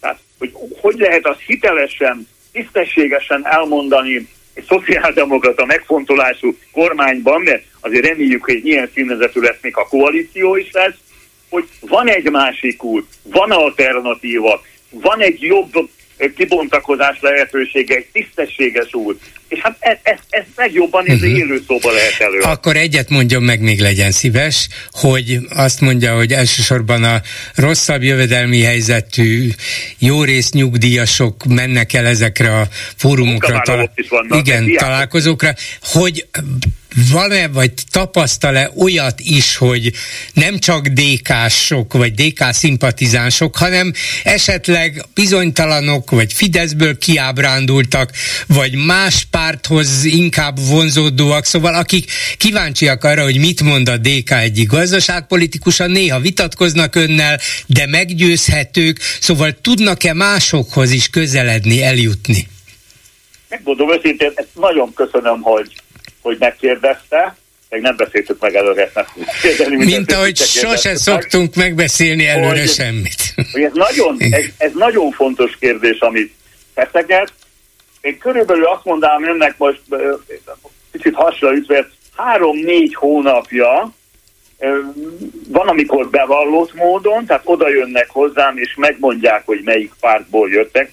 Ellenzéki pártokról beszélek, azt is szeretném hangsúlyozni, hogy nálam a Mi Hazánk mozgalom nem tartozik az ellenzéki pártok körébe, tehát nem rájuk gondol. Valamennyi ellenzéki párt köréből voltak már a, a, az én fórumaimon, ha most ezt nem beszél nagy képűnek, hogy az én fórumaimon, tehát amikor én tartok gazdasági el, el, beszámolót, vagy, vagy a tervekről, vagy az elképzelésekről beszélek, és van még, mikor az első sorokban is ülnek, kérdeznek, néha még kellemetleneket is kérdeznek, de ez ezzel jár, ebben, ebben semmi rosszat nem látok, ez bizonyára tudja, én azért az életem során már szakszervezetekkel vitatkoztam egész életemben, nehogy azt így, hogy dicsértek. Hát azért ez nem így működik. Így itt, itt, itt, nagyon keményen még azt is megkérdezik, hogy, hogy mennyire vagyunk hitelesek, hogy mennyire tartható, meg kell tudnom győzni. Ez a feladatom, a kollégáimnak, képviselőtársaimnak az a feladata, hogy meggyőzzük az embereket, hogy van egy másik út, és azt ön is érzi, hogy ez a mostani, ez már majdnem járhatatlan. Ha viszont ez majdnem járhatatlan, akkor kell lenni egy másiknak. Most ezt a másikat akarjuk, hogy mondjam, népszerűsíteni, és azt is, hogy, hogy tudjuk, hogy ez a, hogy ez a, mostan, a mostani, ez biztos, hogy hosszú távon nem mehet. Sőt, még azt is merném mondani, már most is túl hosszú, amit történt a 13 év alatt, míg hogyha egy-két évig ez így van a magyar társadalom, krízis helyzetbe kerülhet. Tehát én, én hogy mondjam, reálisan próbálok optimista lenni. Tehát, hogy, hogy ez, ez, nem, ez, ez nem lesz egyszerű, itt nyilvánvalóan egy óriási kommunikációs hátrányunk van, nagyon-nagyon-nagyon nagy probléma az is, hogy, és ezt is be kell vallani, hogy ugye 13 év nem kormányzás után azért a pártoknak sem, az ellenzéki pártoknak sem egyszerű. Tehát azért rutin kell, tapasztalat kell. És még egyszer, el kell tudnunk hitetni azokkal, akik minket egyre többen hallgatnak, hogy egy olyan megoldást tudunk, ami számukra méltányos és elfogadható. Hát remélem, hogy sikerül, és köszönöm szépen Dávid Ferenc országgyűlési képviselőnek. Viszont hallásra! Viszont hallásra, minden jót! Háló, jó estét kívánok! Jó estét kívánok, bolgár úr! Parancsoljon! Hát, elég, elég sok mindent hallgattam mai napon is, de azért nekem felmerült egy gondolatom. Az helyes. Hallgatom. Talán, hát, ahogy itt beszélgetett az úrral, én nem tudom, és valahogy nem is érzem azt, hogy az ellenzék tulajdonképpen ebből a hát a társadalmatnak azt a rétegét, aki tulajdonképpen nem a Fideszre szavazott, hogy azt valahogy meg tudnák győzni. Én azt javasolnám, hogy itt most, ahogy beszélünk, és esetleg hallgatja egy olyan képzett jogász, aki esetleg öt személy, önt személyesen esetleg majd meg tudná talán ö, beszélni, hogy mikor találkozzanak.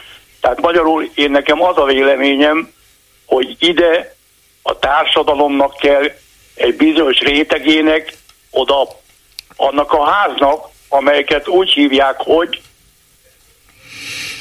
Na, Haló? Itt vagyok, az a Kossuth, Kossuth téren Igen, van. a parlamentre gondol, igen, persze. Annak mi, az, mi a neve? Hát, hogy, hogy mi a neve? Parlament, országgyűlés, minek nevezzük? Nem. Na, melyikre Azt gondol? úgy hívják, hogy országház. Ja, hogy országház, igen, úgy is lehet. Országház, Tehát parlament. magyarul Igen. oda a társadalomnak magyarul joga volna bármikor még a parlamenti ülésekre is bemennie. Mert az országháza. Igen. Na most mindegy. Tehát magyarul egy, egy jogász, aki jobban meg tudná az én mondataimat esetleg fogalmazni önnek, hogy oda esetlegesen, ha önnek oda beszél önnel ott helyszínen, és ezt hallaná is egy több ember, akkor az RTL klubnak, vagy az ATV-nek, ahol megjelent a Gyurcsán úr is, elég sokszor. És oda bemennének az RTL klubba és az ATV-hez, amit sok ember, több ember esetlegesen néz és hallgat, akkor ott jobban meg tudnák személyesen győzni a társadalmat, és oda elmennének a parlamenti ülésekre, és elmondanák az Orbánnak, na most vagyunk itt, és legyen szívesek, fáradjanak ki, és soha többet ne lássuk önöket. Na de ezt ki mondja meg? Ki mondja meg Ezt Orbán? jogász. De, gondolja, hogy bármelyik jogász, aki mondjuk ismert is, népszerű is, és jogi nyelven is meg tudja mondani, amit akar, de tud olyan mondatot mondani, amitől Orbán Viktor egyszer csak a homlokára csap, és azt mondja, hogy hát jó, értettük, csomagolunk, megyünk. Igen? Va, van ilyen jogász, vagy van olyan mondani való? Szerintem van. Hát, Szerintem van. Bár volna, de én, én nekem az az érzésem, hogy nincs, mert úgy érzi Orbán, hogy hát miről beszél, akármilyen jogász, vagy akármilyen Ott van. nem jogász, hogy hát Ott van megnyertük a választásokat, itt vagyunk, mert a nép minket akart. A Róna úr, aki kim van külföldön, Igen. Az milyen alap, az nem tudna ezeket a mondatokat egy ATV-be vagy egy- klubrádióba A- ott a- személyesen Ro- elmondani? Róna Péter el tudja mondani, itt a rádióban is, remélem el is fogja mondani, televízióban is, sőt, még mint az ellenzék közös köztársasági jelöltje elmondta az ő elképzelését a magyar demokrácia visszaállításáról, amikor volt a köztársasági Igen. elnök választás, de attól még, hogy Róna Péter elmondja és jól mondja el, Orbán Viktor nem fog távozni, mert, mert De övé a megy, egy, hatalom. oda megy egy millió ember, Az más. hát erről van szó.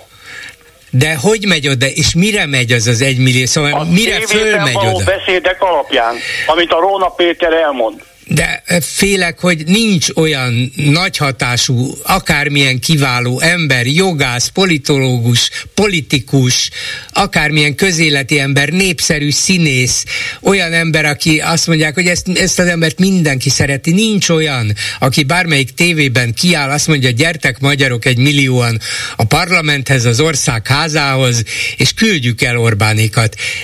Nem, nem csak azért, mert ő nem mondja, mert ezt nem mondhatja, hanem nincs olyan hangulat, ami miatt azt mondja egy millió ember, hogy hát tényleg akkor menjünk, és, és miénk a hatalom. Bolgár úr, így el, hogy lenne. Így el, hogy lenne. vannak ilyen kivételes helyzetek, amikor lehetne egy millió ember, de most nincs ez. Még egy tüntetésre is csak néhány ezer ember megy el. De ez más, a tüntetések megint másabb, mint a társadalomnak sajnos az agyának való megkárosítása. És ezt a, egy olyan ember elmondja, aki konkrétan jogilag és emberileg jobban ki tudja fejezni magát, mint most én, akkor szerintem van egy nagyon-nagyon nem 50 százalék, hanem körülbelül 80 százalékot, biztos vagyok benne.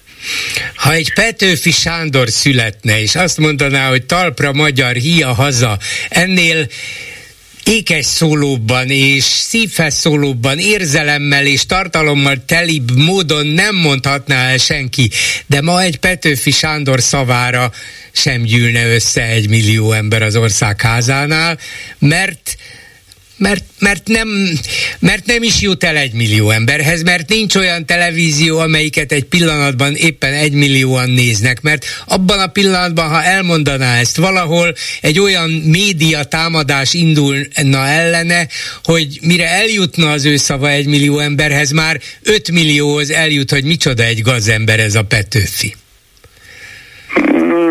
Érti? Minden, Jó, hát... minden hatalom a Fidesz kezében van, ezért ha valaki kinyitja a száját, rögtön, és hogyha hatásosan nyitja ki, rögtön ráúszulnának, és sokkal több emberhez juttatják el, hogy na erre az emberre miért nem szabad Na de hallgatni. a társadalom bemegy abba a parlamenti ülésekbe, és ott személyesen ott vannak egy nagyon sok ember, akkor azért meggondolja az Orbán, hogy hova tartozik és mit alkothat tovább ugye a parlamenti ülésekre, a karzatokra fölmenni azért nem tud egy millió ember. Oda... Nem, a parlament, nem a karzatokkal kell fölmenni, ott nagyon nagy terület van, ahova csak mennek befelé, mennek befelé. Hát, de nem lehet csak úgy bemenni a parlamentbe, az tilos. Nem, nem, nem lehet csak úgy en, er, engedélyezés és jóváhagyás nélkül bemenni a parlamentbe, ahhoz, ahhoz megfelelő belép, belépő kell. Egy millió vagy 500 ezer ember az ki fogja megtiltani, hogy nem mennek be? Mondom, ha egy millió vagy 500 ezer ember összegyűlik a parlament környékén, akkor beláthatatlan, hogy mi következik. Csak azt az 500 ezer ember... meg kell oldani. Hát látja, hogy bármit mond az Orbán, az a társadalom, az ő emberei, azt, azt tapsolnak. Igen. De ezen az oldalon nincs Orbán, és ezért nem tudja azt a több százezer embert összehozni és egybe Én azért, aki most, akit, akik hallgatja ezt esetleg az önműsorát, meg az én beszéget, beszédemet, azért javasolnám, hogy valahogyan kerítsének elő egy olyan jogászt, aki jobban meg tudja ezt fogalmazni, uh-huh. és az RTL-be és az ATV-be kérjenek egy beszédet lehetőségét. Értem, értem. Jó, köszönöm szépen. Én is nagyon Viszont köszönöm. Hallásra. Háló, jó estét kívánok! Jó estét kívánok, rövid az időm, röviden fogok beszélni, de ha kicsit össze-vissza beszélek, akkor elnézést kérek. A bolgár úrnak a memóriája az százszorosé az enyémé. De talán emléksz, ez, ez arra mondom, hogy a miniszterelnökünk, hogy én szépen fejezzem ki magamat, akivel egyszer puszipajtás és valami történik, akkor azt már leírja. Itt van ez az Elsimon László, csak azért kaptam telefont.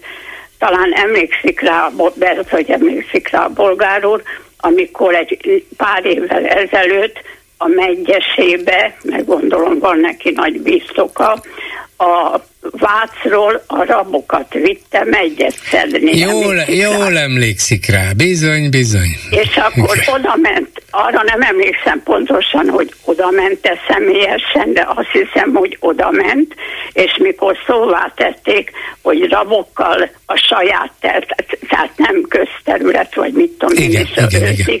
hanem a sajátját szereti, hogy mégis ez mi. Azt mondta, örül neki, mert legalább hasznosan töltik a rabok a ö, idejüket.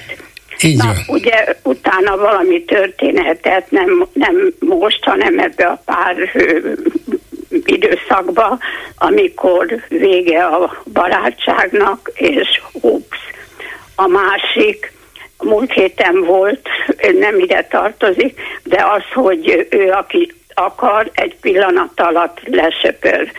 A múlt héten volt a, hát csak az ATV-t meg az RTL-t nézem, valamelyik adón volt egy riport, de csak a riporter volt, és az Iványi úr. Uh-huh. És az utolsó kérdése az volt a riporternek, hogy volt, volt valami összetűzésük hát ugye, hogy ennyire most semmit nem kap meg, lesöprik az asztalról. Azt mondta Iványi, hogy igen. És kérdezte a riporter, hogy beszélhet róla. Azt mondta, hogy életében soha egy szót nem fog erről szólni. Na most az, azt mondom, hogy akit ma ö, ö, kedvel, az holnap ki tudja, hogy mi lesz. De úgy csak ilyen, ö, na, egy mondatokban beszélek. Nem tudom, a Dúra, Dúra Dóra egyáltalán megnézte ezt a kiállítást. Vagy csak valaki. ez, ez nem derült ki, hogy megnézte. Hát a négy gyereke Igen. mellett meg mit gondol? Pláne nem a négy gyerekkel nem nézte, ugye? Nem. Pláne nem a négy gyerekkel nézte meg. Na, a másik Igen. pedig a gyerekeket feltételezem, mert mindig net csinos a parlamentbe. Gondolom, hogy a gyerekeit is fürdeti, és tiszták a gyerekei. Biztos. És ott gondol, nem tudom, hogy fia vagy lánya, vagy fia, kik vannak neki, de gondolom, hogy azért vagy együtt, vagy szoktak meg picik a gyerekek, hogy szoktak vagy fürdeni, vagy mit tudom én, nyáron nem bugyiba lenni, akkor mit mond a gyerekeknek, hogyha kérdezi, hogy na, mégis mi újság? Akkor csak címszavakba beszélek, elnézést kérek, hogy ez a, nem tudom, jól mondom a nevét, Kaletta vagy Koletta, igen, igen, igen, ez a, ez a volt hány. perui nagykövet, pedofil volt igen, perui nagykövet. Meg egy csomó. Hát erről nem nem kell beszélni a gyerekekkel, és Dóra nyilván vigyáz is arra, hogy a gyerekekre előtt ilyennel nem beszél, de, de a nagy nyilvánosság, de a nagy olyan. nyilvánosság előtt úgy tesz, mintha ő volna az, aki a magyar gyerekeket védi, karöltve Orbán Viktorral, és Orbán Viktor is úgy tesz, hogy hát lám, itt most itt szövetséget alkotunk, a, a mi hazánk se jár előbb, bár fölhívta a figyelmet erre, de én meg még határozottabb vagyok, mert kirúgom még a múzeumi főigazgatót is. Hát igen, egy két mondatom lenne csak, mert tudom az idő is most már véges. Én elmúltam 81 éves, de szégyelem magam, és nagyon szomorú vagyok, hogy ilyen országba kell élnem, mert soha nem gondoltam. Az unokáim külföldön vannak. Az egyik most diplomázott, Írországba dolgozik, a másik Dániába van, megvan a munkája, megvan a lakása. Ennek a dániás gyereknek nem szeretett tanulni, de négyesnél rosszabb nem volt. És a lányom mindig azt mondta neki, tanulj, mert elmész kukásnak. Na most már oda se lehet menni, csak protekcióval. és a nagy szerencséje az volt, hogy nagyon jól tudott angolul, és megkapta az iskola a nemzetközi na, érettségit, uh-huh. és fölvették, és ezzel elmehetett. Dániába most fog menni. A lányom kim van Svédországba. A unokahúgom Berkeleybe. Jó, Na most az egyik szemem sír, a másik Ege, nevet. Megértem, te, megértem. Tegnap előtt röhögőgörcsöt kaptam, már idézőjelben mondom, mikor mondták, hogy 27 ablakot fognak nyitni, hogy aki majd hazajön. Hát mondom, 58-at csináljanak, hogy aki kimegy még, hogy aznak ne kelljen olyan sokat sorba állni. Szóval nem Igen, igaza van, tudja, az az egészben a legnagyobb tragédia, hogy amikor Orbán Viktor és ez a Fideszes társaság elindult a magyar politikában, szerintem egyikük fejében sem fordult meg az, hogy na, ha valaha alkalmunk lesz, hogy ezt az új demokratikus Magyarországot mi vezessük, akkor olyan ország lesz, hogy kirúgjuk a Nemzeti Múzeum főigazgatóját, mert képes volt beengedni erre a nemzetközi fotókiállításra egy ilyen fényképsorozatot, vagy kirúgjuk a meteorológiai szolgálat főigazgatóját, mert nem jól jósolta meg, hogy milyen idő lesz este a, az augusztus 20-ai tűzijáték idejére. Szerintem ez eszükbe se jutott, és azt gondolták, hogy hát ha valami, pont az ellenkezőjét fogjuk csinálni, mert ez csak egy egypártrendszerű diktatúrában lehetséges, és aztán most itt vannak ezzel. Hát botrány. Köszönöm egy, szépen. Egy utolsó Igen. mondatom lenne, ami miatt én szégyellem magamat, hogy nem az, hogy magyar vagyok, mert itt születtem, és itt élek 81 éve, de az, hogy a 135 bátor emberből még soha nem volt olyan, nem kell, hogy mind ellene szavazzon, de hogy három, három legalább nem ővelük szavazott volna. Úgyhogy ezek úgy meg vannak fenyítve, hogy azt elmondani nem tudom. Hát és most még inkább tudják, hogy hol a helyük, látják, hogy az egyik így, így legjobban hát bekötött emberük is repült. Hogyha össze-vissza beszéltem. Köszönöm szépen. De annyi minden van bennem, és mondom, most már én már remélem nem sokat élek ebbe a mocsok világba. De azért de... csak jó egészséget kívánok. Hát, hát ha megváltozik, és megírjuk. Igen, megvárjuk. Köszönöm, jó, köszönöm szépen, szépen viszont hallásra. Viszont hallásra. Háló, jó estét kívánok! Jó estét, üdvözlöm és a hallgatókat. Én egy kicsit nehéz megtűnő kérdéssel kezdek, de hát ha mond rá egy viszonylag egyszerű választ, hogy a választási jog az, az minek van itt a embernek. Nem, nem kell tudományos, csak ön szerint egy rövid mondatban, ha össze lehetne foglalni. A választási jog azért van, hogy az ember a lehető legegyértelműbben kifejezhesse azt a szándékát, hogy szerinte ki a legjobb az ország vezetésére, vagy egy város vezetésére, és ezért, ezért van ez a választási jog. Hogyha ez megfelel az, or- hogy végeredményben a választók akarata összességében kifejezi az ország akaratát, akkor jó a választási jog, vagy a választ, igen, a választási rendszer, ha nem fejezi ki, hanem valami mást fejez ki, más a végeredmény, akkor nem jó. Nagyon köszönöm, valami hasonlót gondoltam én, de az ön szavai tökéletesek voltak el. Tehát az a lényeg, hogy a választónak van valami szándéka, az kifejezés, az valahogy hasson az országra. Nyilván az egy 8 millió volt arányban, a hány szavazó van, minden szavazat ugyanannyit ér, valahogy a szavazók, a szavazata az, az hatással lesz valahogy a dolgok alakulására. Igen, így van. Ugye?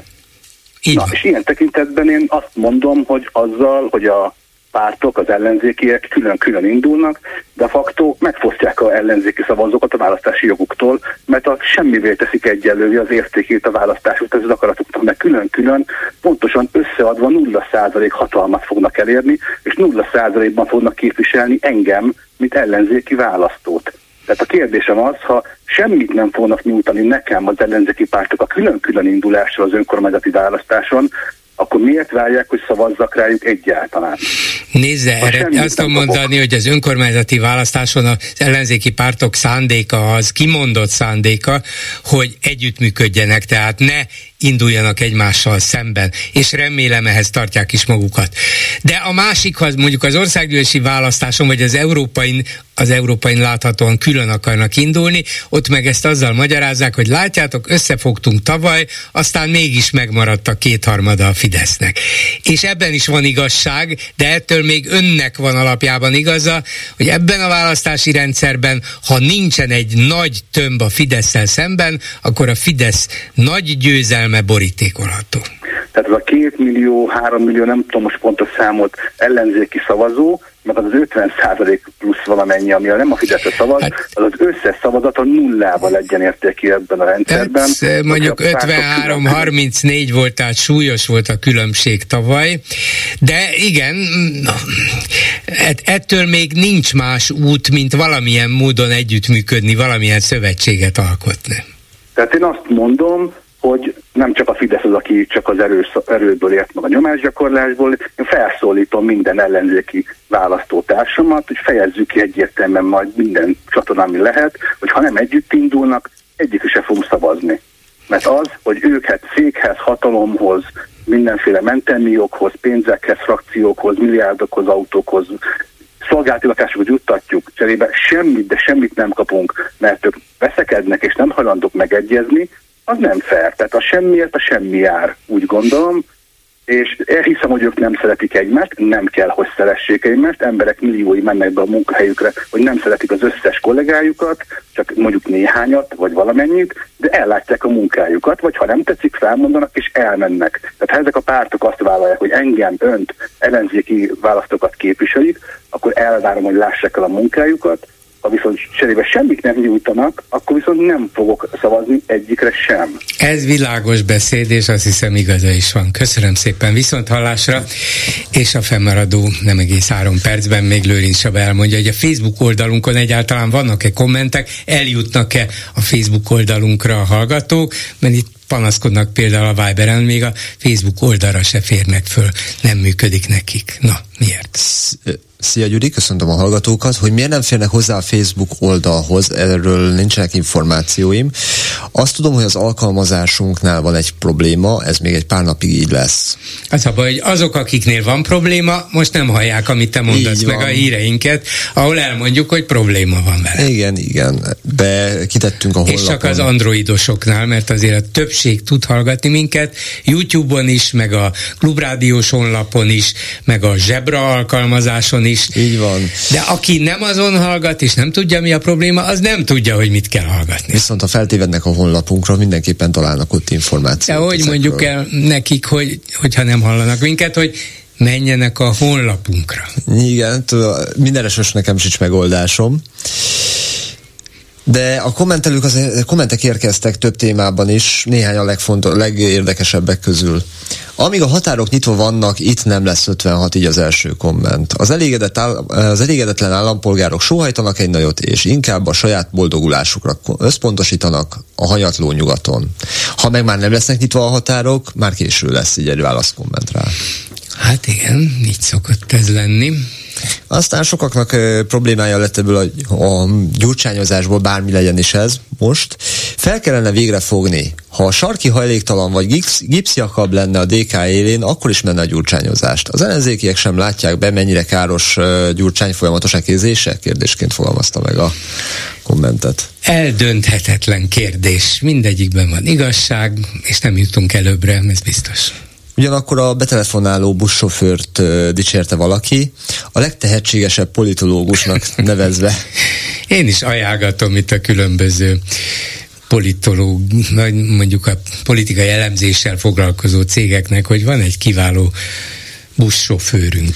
És egy utolsó, egy utolsó gondolat így a Fidesz lemorzsol, ö, híveinek lemorzsolódásának megállásával kapcsolatban. Meg kell nézni a, tava, a medián tavalyi felmérését az iskolázottság a pártpreferencia vonatkozásában.